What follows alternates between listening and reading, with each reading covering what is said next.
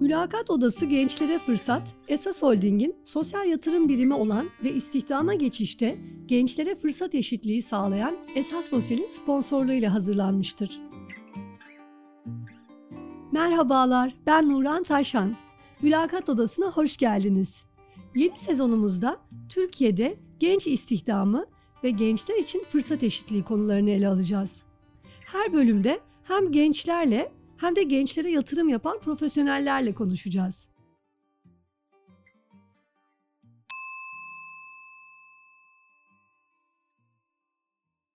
Türkiye üniversite mezunu kadınların iş yaşamına katılımı açısından Avrupa Birliği ülkelerinin en sonuncusu. Ülkemizde üniversite mezunu kadınların istihdam oranı %55 iken bu oran Avrupa Birliği ülkelerinde %80'i aşıyor. Üstelik son 10 yılda Türkiye bu anlamda 5-6 puan geriye düşmüş.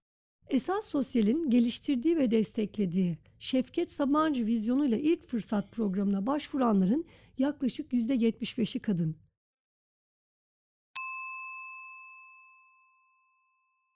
Mülakat Odası'na hoş geldiniz. Bugün Mülakat Odası'nda konuğum İlk Fırsat programının 2017 mezunlarından Buket Akpınar. Hoş geldin Buket. Merhabalar, hoş bulduk. Nasılsın? Çok teşekkür ederim. Sen nasılsın? Teşekkür ederim. Ben deyim. Biz e, kayıttan önce Buket'le biraz sohbet ettik. Dünya gerçekten küçük. Birçok ortak arkadaşımız olduğunu fark ettik. E, bu network'ün de aslında senin ilk fırsat programına dahil olmanla biraz gelişmiş olduğunu fark ettim. Hı hı. İlk fırsatı konuşacağız. Senin onlarla nasıl tanıştığını, yolun nasıl kesiştiğini konuşacağız hı hı. ama biraz bizi dinleyenlerin özellikle de bizi gençler dinliyor. Senin yerinde olmak isteyen, senin yolculuğunu merak eden pek çok genç var. Ee, onların seni biraz daha iyi tanıması için çocukluk hikayenden başlayalım istiyorum. Tamam. Senin için uygunsa. Hı hı. Ee, nasıl bir çocukluk geçirdin Buket? Ben 6 kişilik bir ailede büyüdüm. Benim 4 tane, 3 tane ablam var. 4, 4 kız kardeşiz biz. Oo ne kadar güzel. Evet. Cennetlik sizinkiler. Kesinlikle. e, işte babam evin tek erkeğiydi o dönem. E, şimdi işte erkek torunlar vesaire var ama işte beş kadın bir erkeğin yaşadığı aslında Yazık. bir evde büyüdüm. Baban için şu an üzülüyorum biraz. Yani evet şu an şey diyor zaten yani kuaföre verdiğim paraları biriktirip bir dükkan açabilirmiş. Kesinlikle öyle kuaför, saç, kıyafet, Kesinlikle. hastalıklar şunlar bunlar Neler her şey. Evet. İşte dört kardeşin aslında en küçüğüyüm ben. Benim bir büyük ablamla bile aramda 6 yaş var. Oo. Annem çok ilerleyen yaşlarında Kaç dünyaya getirmiş. Buket? 93, 1993 doğumluyum. Şu an 28 yaşındayım. Ee, en büyük ablam da ikinci annem gibi oldu. İşte onun bir küçüğü yine ikinci annem. E, 6 yaş büyüğüm bile şu an ikinci annem gibi aslında. Hala İstanbul'da birlikte yaşıyoruz onunla. Bayağı eğitim, okul öncesi eğitimi onlardan almış gibi Aldım. olabilirsin. Evet evet. Tabii şey de var yani hepsinin kişiliği ayrı olduğu için hepsiyle böyle yakın ilişkideydim çoğu zaman ve o dönemden itibaren aslında şey birçok insan tanıdım gibi de oldu evde. Hepsi evet ablamdı. Ama farklı farklı tipler. Her birinin özelliği farklı. Hepiniz İstanbul'da mıydınız Buket? Biz hepimiz Kırşehir'deydik. Hmm. Ee, İki büyük ablam Ankara'da doğdu ama işte annemle babam aslında Erzurumlu. Erzurum'da doğup köyde tanışıyorlar. Evleniyorlar. Evlendikleri anda babamın Ankara'ya tayini çıkıyor. Devlet memuru oluyor.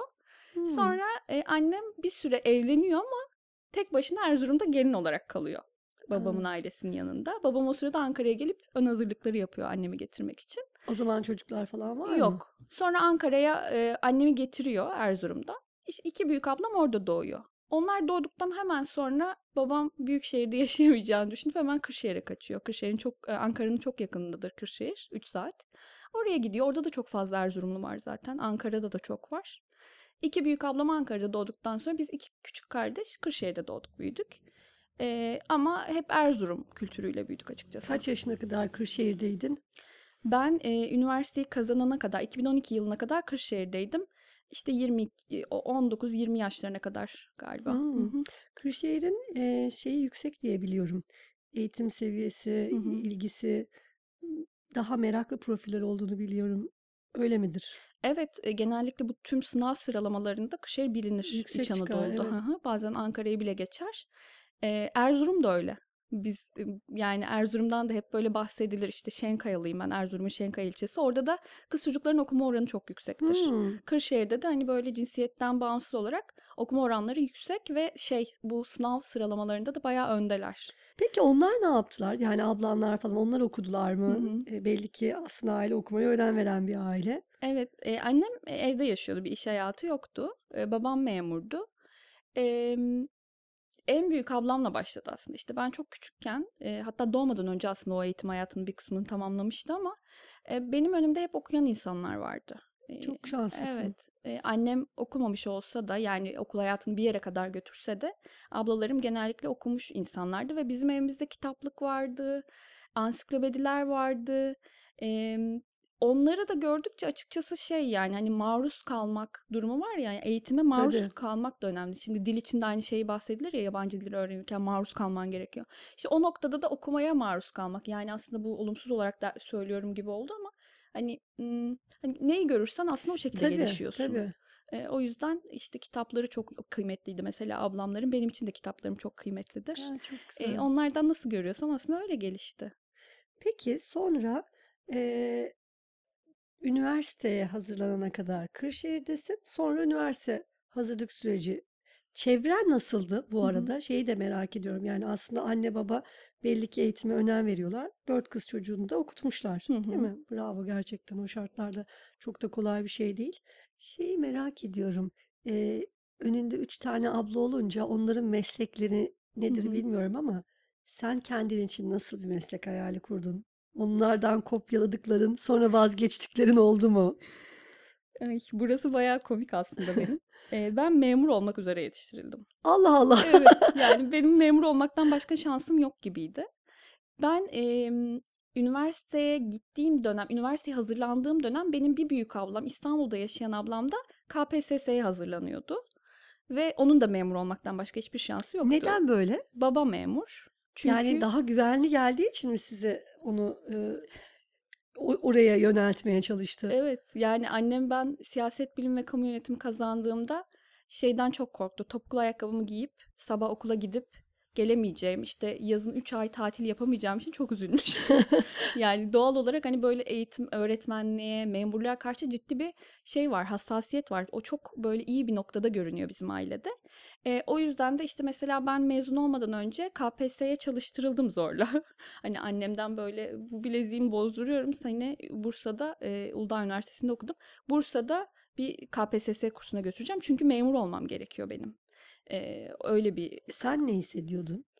ben tam o dönem aslında benim bilinç biraz açılmaya başladı. İşte üniversitede dersleri böyle üstten üstten almaya başladım ki bir temizleyeyim dördüncü sınıfı.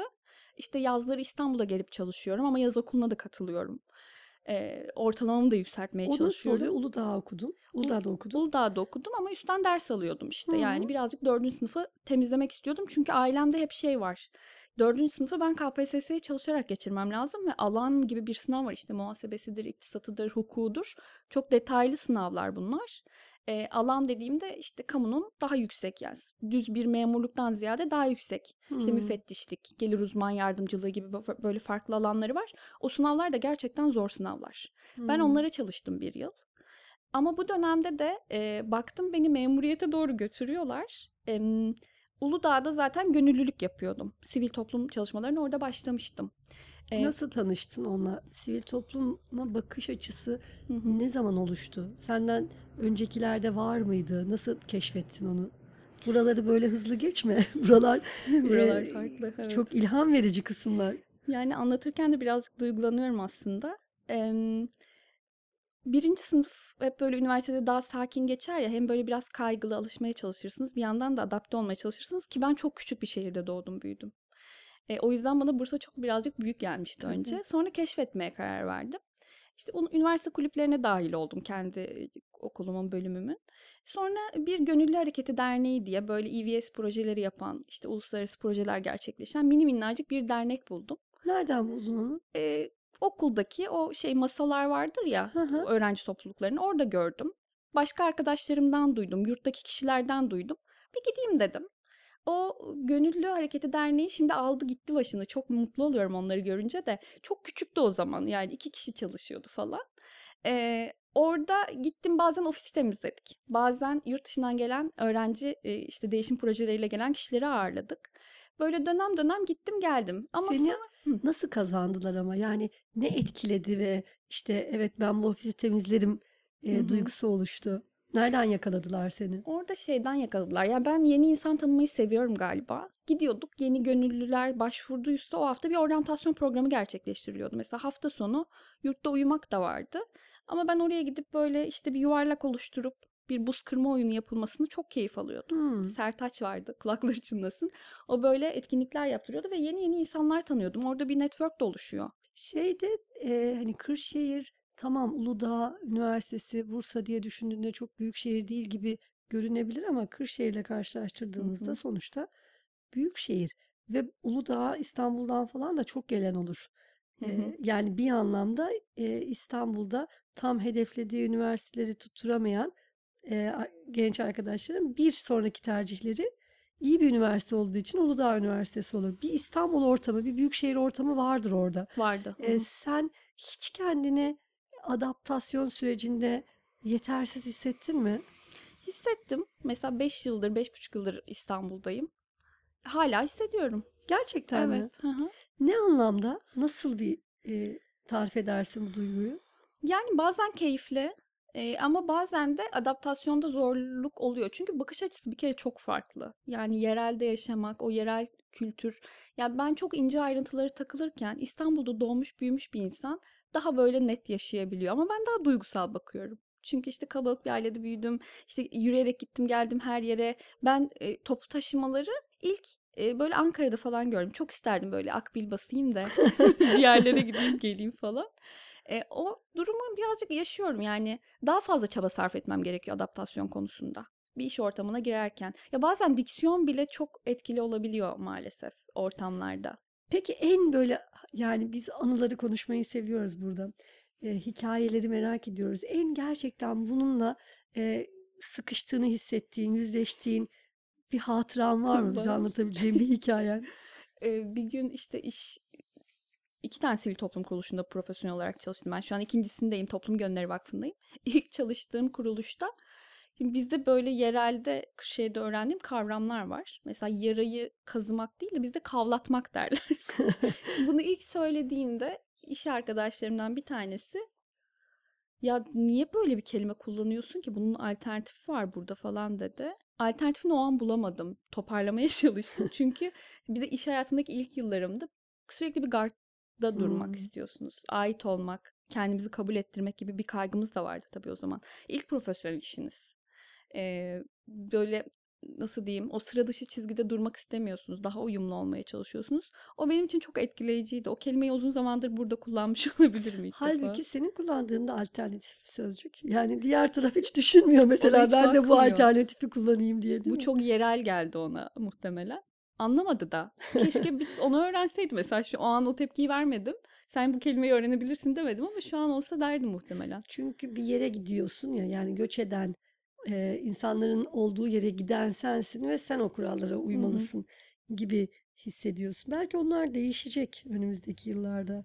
Daha çeşitli, daha e, farklı deneyimlerin paylaşıldığı bir e, platforma dönecek iş hayatı da, e, arkadaşlıklar da ama senin bahsettiğin dönemde, benim gençliğimi yaşadığım dönemde o çizgiler çok e, daha keskindi. Hı hı. Bundan sonrasında farklı olabilir.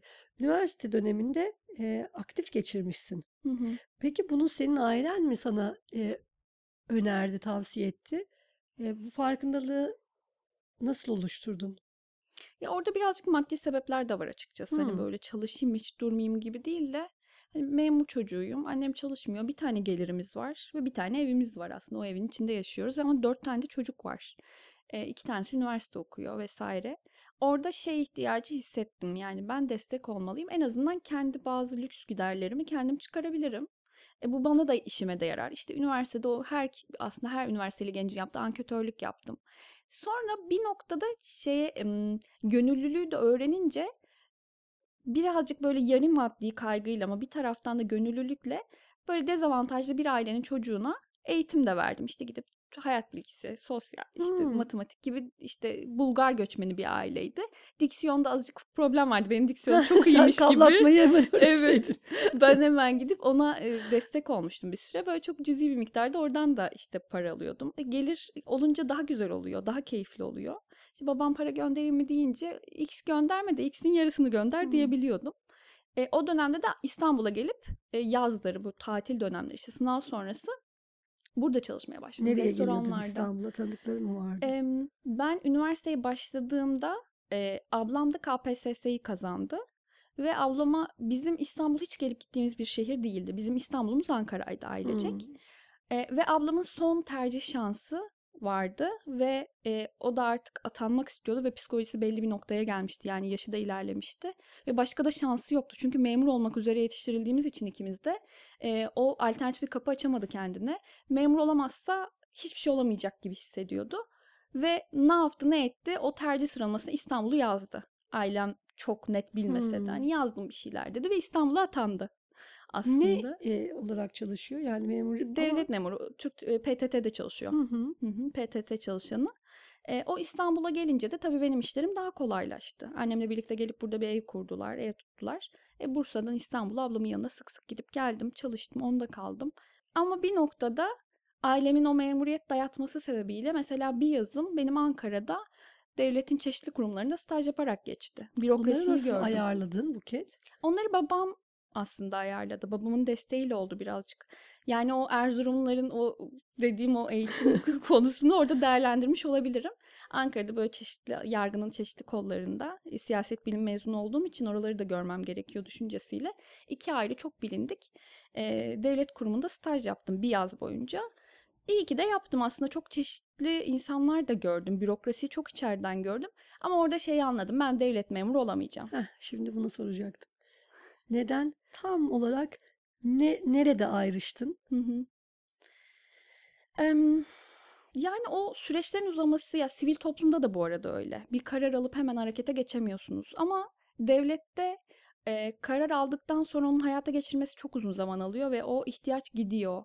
Yani galiba insani ihtiyaçların hızlıca karşılanması noktasında hani devletin böyle bir amacı var mıdır? Bir noktada vardır gibi geliyor ama o ihtiyaçların çok zamanla karşılanması, süreçlerin uzaması, bazı şeylerin hatta tırnak içinde angarya geldiği bir noktada ben kendimi böyle savruluyor gibi hissettim. Sadece staj yaparken bile. Ee, tabii şeyi de görüyorsunuz yani hani işleyişin arka planını da görüyorsunuz. Ee, bir de çok sınırlı ya her şey. Sabah gidiyorsunuz, akşam geliyorsunuz. Yediğiniz içtiğiniz şeyler o taraftan belli oluyor vesaire gibi. O noktada yok dedim yani ben yapamayacağım devlet memurluğu. Stajlarımı çok başarıyla tamamladım ama yani kendimi hani böyle e, alabileceğim her şeyi aldım oradan.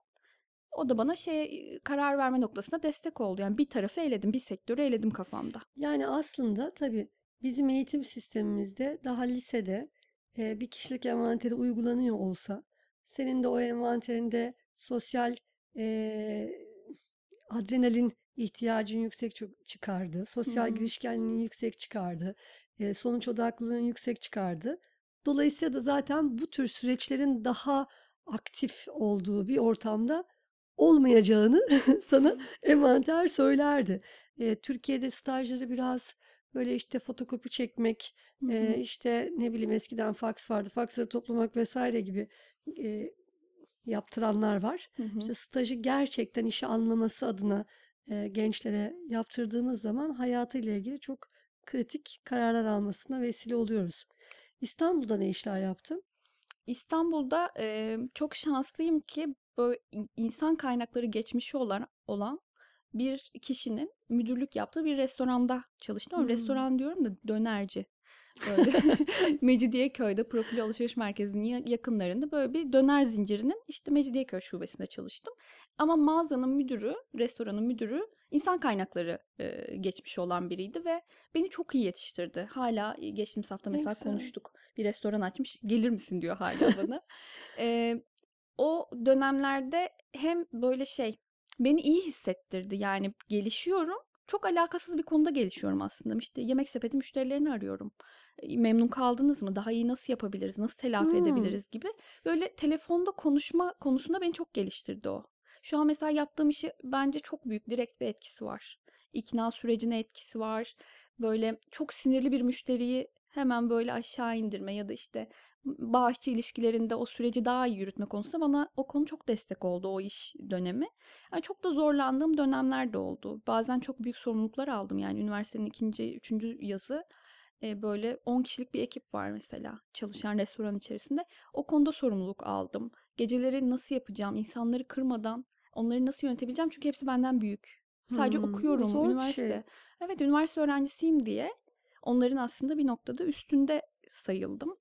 Ee, şey olarak yani o e, hiyerarşi olarak. O dönem de biraz benim için zordu. Kendinden yaşça büyük olan işte Ahmet abiye, Mustafa abiye bunu böyle değil, şöyle yapman gerekiyor demek o kadar kolay bir şey değil. Değil. Çok Ama zor. yapmak gerekiyor. Peki yaz dönemleri çalışmaların oldu, gönüllülük çalışmaların oldu. Üniversite 4 sene. Ee, çalışma hayatına tam geçişin nasıl oldu ve programla nasıl tanıştın ilk Hı hı. fırsatla? Bir adım geri gideceğim. Tamam. Ee, üniversite 4. sınıfta o annemin bilezik bozdurup gönderdiği KPSS kursuna ben bir şekilde gittim. Çünkü annemin orada bir aslında şey vardı yani bir fedakarlığı vardı. Onu ödemem gerekiyordu vefayla. Ee, o kursa gittim ama günde 10 saat çalışsam da ben o sınavdan başarısız oldum. Çünkü staj yaptım biliyorum yani hani bu- bunun için çalışamam gibi geliyor. Ee, başarısız oldum. Üniversite mezuniyeti oldu. Ben yine mezuniyetle e, tam okulumun bittiği dönem böyle iki aylık bir süreç vardı. İstanbul'a geldim yine çalıştım. Ama annem sürekli mezuniyetini yaptıktan sonra Kırşehir'e geliyorsun. Burada KPSS kursuna bir daha yazılacağız dedi. Hmm, Allah ne yapacağım ne edeceğim. bayağı kararlıymış annen. Annem kararlı. Sonra e, ben me- Temmuz'da mezuniyetim de oldu. E, Eylül'e kadar bir daha çalıştım. Hala direniyorum. E, ablamın yanında çalıştım. Sonra tıpış tıpış Kırşehir'e gittim. E, bir oda kuruldu. İşte kırtasiye alışverişi yapıldı. Hmm, Allah yani nasıl çalışacağım, nasıl edeceğim? Annem de motive ediyor falan. Tam da o dönem böyle şimdi ev arkadaşım, e, üniversiteden de arkadaşım, Kırşehir'den de arkadaşım, e, 10 yıldır birlikte olduğum Gizem bir ilan attı işte WhatsApp gruplarından birine. Böyle ilk fırsat projesinde projesi adında bir iş ilanı mı nasıl bir şey hiç bilmiyorum. Girdim sadece sivil toplum kuruluşlarının listesini gördüm. E, çok heyecanlandım o an. Yani em, bu iş mi tam bilmiyorum. Birazcık da hani ilk fırsat var, esas sosyal var, sivil toplum kuruluşu var. E bu bir iş mi, staj mı bilmiyorum. E ben yeni mezun oldum, hemen beni nasıl işe alacaklar gibi bir karmaşanın da içindeyim. Ama bir yandan da memuriyet için çalışacağım yani. Kırtasiye alışverişi yapmışım, bundan ötesi var mı? E, gibi düşünürken e, ilk fırsatı bayağı değerlendirmeye başladım. Ve çok da az bir süre vardı aslında başvurunun bitmesine. Ortalamam iyiydi. E, onu birazcık değerlendirdim. Ve böyle iki buçuk saat oturup ilk fırsat projesine başvuru yaptım ben. Nasıl o başvuru süreci? Biraz anlatır mısın? Yani sorular var o klasik işte üniversitede yaptığımız gönüllülük faaliyetleri, işte katıldığımız aslında çocukluktan itibaren katıldığımız eğitimler, eee, işte ben halk oyunları oynadım çok uzun bir süre. Onu mesela bir paragraf yazdım. Hmm. Lisede halk oyunları oynamıştım. Eee, onu yazdım. İşte bu gibi aslında ayrıntıların sorulduğu böyle birazcık iş alım soruları gibi ama daha ziyade sosyal ağırlığı ölçen Hmm. Eee, bir, eee, mülakat testi gibi düşünün, başvuru, eee, evrağı gibi düşünün. Onu yaptım ve ben 2,5-3 saat müzik açıp onu böyle içime sine sine doldurdum. Özenerek. Özenerek doldurdum. Onu yapmasaydım muhtemelen bu arada olmazdı. O arada görüntülemiş bile olabilirsiniz zihninde. Yani tam olarak onları doldururken, yanıtları düşünürken ne istediğin üzerine bir kez daha düşünmüş ve çok istemiş olabilirsin. Olabilir. Çocukluk hayalin neydi?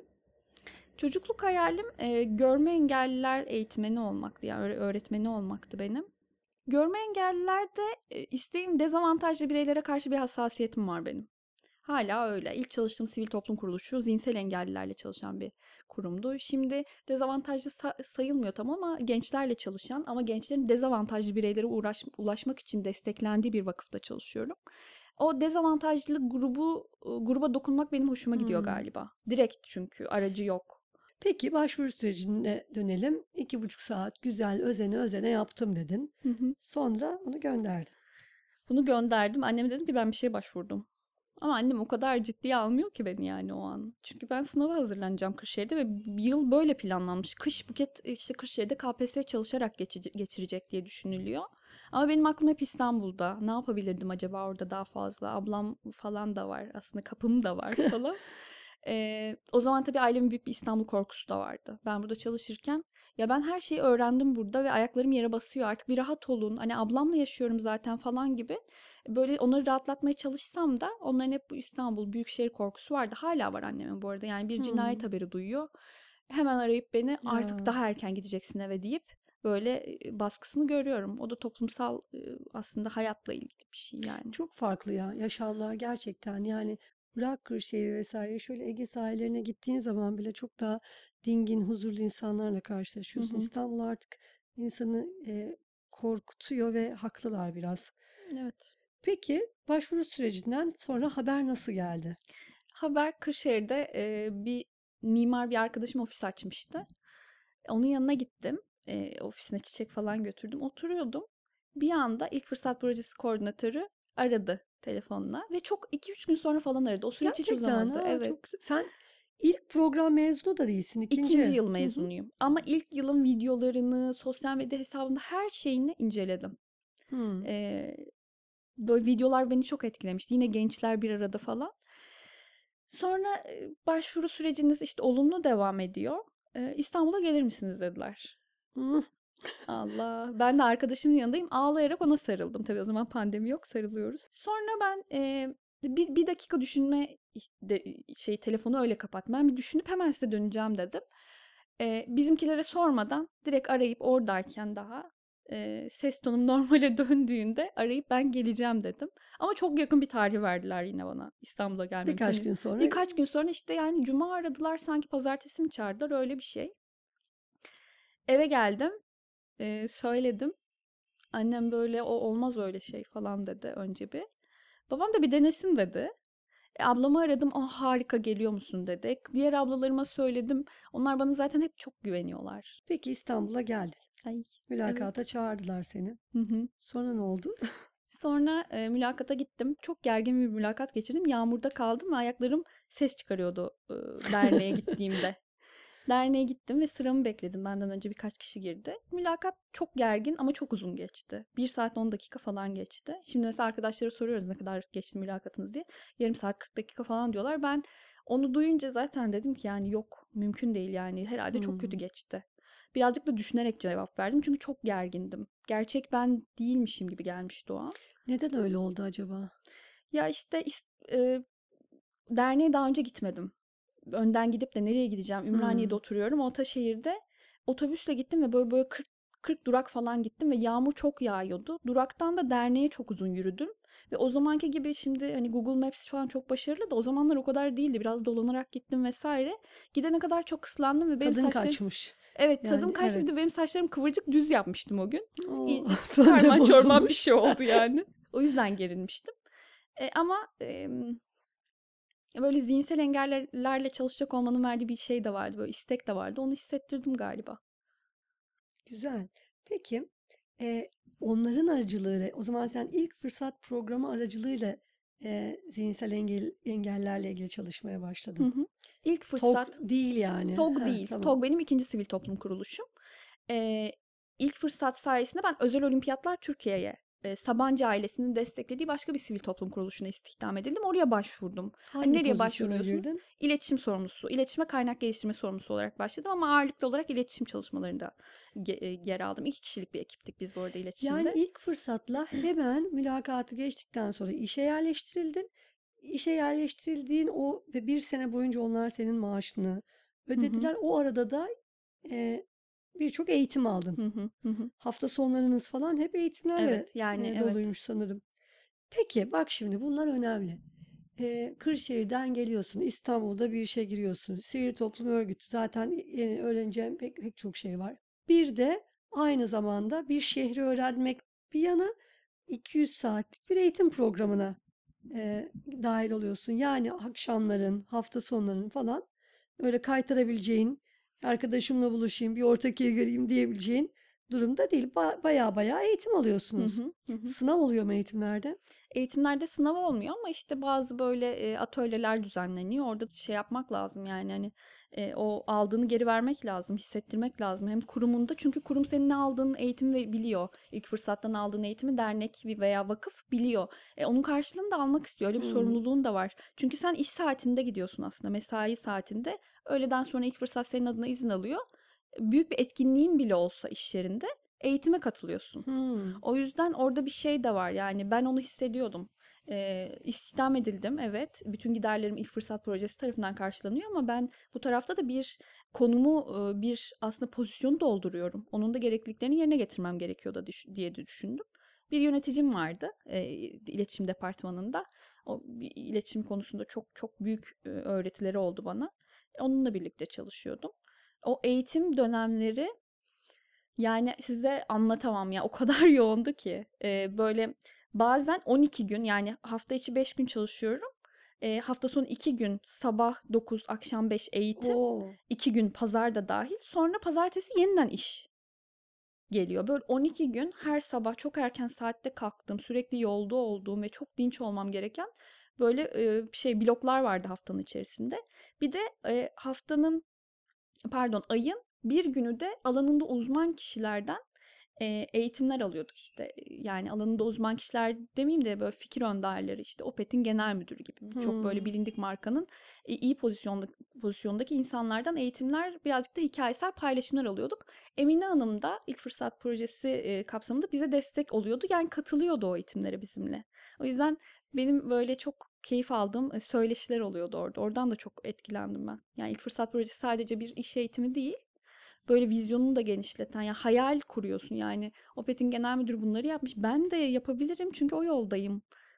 Bütün bu yolculuk boyunca kendinle ilgili neler fark ettin? Programa başlamadan önceki Buket'le programı bitirdikten sonraki Buket arasında e, bir fark mutlaka olmuştur ama sence en önemli fark ne oldu? Bu soru bana birkaç defa daha gelmişti. Ya burada en önemlisi bence ben bir iş sahibi oldum. Aslında ailemin o benden beklediği iş sahibi oldum yani ben bir kadın olarak. E, genç yaşta bir de oldum. Yani üniversiteden mezun olur olmaz e, iş buldum gibi oldu. Bunun haricinde aldığımız eğitimleri e, hayatta böyle uygulayarak, pratikleyerek e, bir noktaya getirdik. Yani ilk fırsat bize hiç aslında o konuda şey tanımadı. Bunu yapmalıyız, yapsak güzel olur gibi böyle bir aslında o koridorun devamı bu eğitimleri uygulama noktası olarak Hmm. geçti. İşte eğitmenlerle sürekli iletişim halinde olmak, WhatsApp'tan konuşmak, işte bazen böyle hafta sonları boşluk bulursak buluşup o eğitimleri pekiştirmek, gidip başka kurumlara gönüllülük yapmak. Yani çalıştığım sivil toplum kuruluşları haricinde başka kurumlara gidip gönüllülük yapmak bile o eğitimleri aslında uygulama noktasında e, bize bir artı kapı açtı. E, bir de özgüven konusunda bence çok etkili ilk fırsat. Yani size e, böyle iş başvurusu yaptığınızda sürekli soruyorlar ya deneyim sahibi misin? E, ben deneyim sahibi değilim ama bana deneyim sahibi kimse olmamı sağlamıyor ki. E, ilk fırsat bana deneyim sahibi e, olacak bir alan açtı. E, bu da beni iyi hissettiriyordu aslında. Beni destekleyen genç olarak üniversiteden yeni mezun olmuş ama işte kendisini doldurarak ilerlemiş bir genç olarak verdiklerimin karşılığını alma noktasında e, şey özgüvenimi tazeledi diyebilirim yani. Şey kaygısı oluştu mu Buket? Böyle işte 3 ay geçti, 5 ay geçti artık 12 ayın sonuna hani 12 aya doğru gidiyorsun ne olacağım ben gibi bir endişe yaşadın mı? Ben kurumumun genel müdüründen e, 6. ayda yeşil ışığı gördüm. Normalde 9. ay gibi bu karşılıklı anlaşmalar sağlanır ki iş arasının artık devam etmezse katılımcı diye. 6. ayında genel müdürüm olacak yani biz isteriz dedi ve ben o artık e, 6 ay sonra bitecek bir şeymiş gibi değil de artık bu benim işim. Tamam Hmm. ayaklarım daha sağlam e, gibi yere basarak ilerledim. O nokta beni çok e, etkilemişti. Yani böyle daha aslında yarısındayım. Eğitimlerimi de tamamlamamışım. E, ama o baştan o şeyi almak, e, övgüyü almak bak beni çok iyi hissettirdi. değişmiş düşünüyorum. Yani o başvuruyu o kadar özenle ciddiye alıp doldurmuş olmasan e, atlayıp hani her şeye rağmen annem babam izin vermese de ben gideceğim kararlılığını göstermesen ki sonuçta desteklemişler. E, şu anda belki de işte e, devlet memuru olabilirdin. O da güzel ama istediğin şey değil. Önemli Hı olan o. Yani hı hı. istediğin bir şeye ulaşmak. Tabii ki güzel, evet. E, ve gerçekten yolculuğun güzel olmuş. Bir şey kaldı aklımda. Onu sana sormak istiyorum. Senin e, iş dünyasında karşılaştığın, belki iş arkadaşların, belki bu e, sivil toplum kuruluşlarının organizasyonlarında denk gelmişsindir. Yaşıtların arasında işte Türkiye'nin sayılı üniversitelerinden mezun gençlerle karşılaştırdığında kendini ilk fırsat e, seni o anlamda e, o rekabete ne kadar hazırlamıştır? Yani şey çok rahat söyleyebilirim yani çok daha bilindik e, üniversitelerde siyaset bilim ve kamu benim bölümümden okuyan insanların birçoğundan daha e, öndeyim bence. Çünkü onların almadıkları eğitimleri aldım ben. Çünkü iş bazlı eğitimler aldım, pratik eğitimler aldım. Üniversitede belki aldığım eğitim onlardan bir parça daha geride ama hangi birimiz üniversitede okuduğumuz, aldığımız eğitimleri Tabii kullanıyoruz tabii ki şu tabii. an? Doğru söylüyorsun. Bir de siz 21. yüzyılın yetkinlikleri konusunda hı. donatıldınız. Yani Evet. zaten bizim şu anda, şu anda değil yıllardır şirketlere yetişkin eğitiminde anlatmaya çalıştığımız şeyler bunlardı. O orada üniversite eğitimini anlatmadık. Hı. E, bunları anlattık. Yetişkin eğitimi aldınız siz aslında. E, Buket çok güzel bir kariyer inşa etmişsin kendine ve bunu gerçekten görüyorum ki tamamen kendin yapmışsın. Yani mutlaka seni insanlar desteklemişler ama bu destek e, sen onlara karşılığını verebildiğin için e, olmuş. E, gençlere neyi tavsiye edersin? Yani sen artık burada bakıyorum ki 3-4 senenin 5 yıl oldu. 5 yıl olmuş. Yani sen artık deneyimsiz e, yeni mezun kategorisinde değilsin. E, şimdi o zaman e, senin takip eden genç arkadaşlarına ne önerirsin? Sanki sivil toplum kuruluşlarındaki deneyim, gönüllülük çok kıymetli. Hı hı. Ee, çok şey değiştirir demokrasi adına da. Ee, biraz bir yol haritası önerecek olursan ne yapsınlar? Yani e, somut adımlar, neleri tavsiye edersin? Nasıl harekete geçsinler? Hı hı. Ee, yani soyut olarak söyleyecek olursam her yere burunlarını soksunlar bir kere. Çalışacaklarsa da çok alt bir e, ya anketörlük olabilir. Bunun gibi birçok aslında iş kolu var. Üniversitelerde bunun aslında yani ulaşılabilir de tüm üniversitelerde özellikle birazcık daha geri planda kalan üniversitelerde. Burunlarını sokabildikleri kadar işe soksunlar. Çünkü her birinden bir şey kazanıyorsunuz. Bazen bazıları çok üzüyor ama o da bir şey katıyor. Böyle iki yıl sonra aa ben o öyle bir deneyim yaşamıştım aslında çok olumsuzdu. Şu an böyle olumlu bir etkisi var benim hayatıma diyorsunuz. Annem de hep şey diyor yani sen çok mutsuzdun aslında e, İstanbul'da çalışırken şimdi nasıl bir anda böyle mutlu oldun orada yaşamayı nasıl böyle sevdin ya da gelip orada e, burada onu gezdirdiğim zaman sen buranın kurdu olmuşsun falan diyor. İşte bu nokta aslında benim bu noktaya gelmemin sebebi e, her yere burnumu sokma. Birazcık cesaret. E, cesaretli olmak. E, bir de destek almaktan çekinmemek. Yani ben hala o çalıştığım restorandaki kişiyi arayıp e, işsiz kaldığım dönemde biraz e, yani paraya ihtiyacım var diyebilecek ve destek isteyebilecek noktaya Çok gelmiştim. güzel, çok önemli bir şey bu söylediğin. Tabii yani görülmeyi, küskünce görülmeyi, fark edilmeyi beklemek hı, yerine hı e, ne istediğini ifade etmeyi ve bunu neyle tolere edebileceğini, neyle e, geri ödeyeceğini anlatmak. Bir şey gibi, iş planı gibi hı hı. e, kendini sunmak ve kendini bir proje gibi hayata geçirmek. E, bunu senden duymaları çok e, anlamlı oldu. Hı hı. Çok teşekkür ederim. Zaman ayırdın. Senin hikayeni dinledik. Çok güzel önerilerin oldu. E, biz e, Kırşehir'den İstanbul'a gelen sivil toplum kuruluşunda sadece profesyonel deneyim kazanmamış, akademik anlamda da kendini geliştirmiş bir genç kadın hikayesi dinledik. Ve ilk fırsat bu anlamda gerçekten sana müthiş bir kapı açmış. Ee, hem bu programın e, içinde emek harcayan herkesin tekrar tekrar aklına, emeğine sağlık. Hem de bunun karşılığını bu kadar güzel verebildiğin için senin eline, emeğine sağlık. Teşekkürler. Çok tebrik ederim. Çok teşekkür ederim.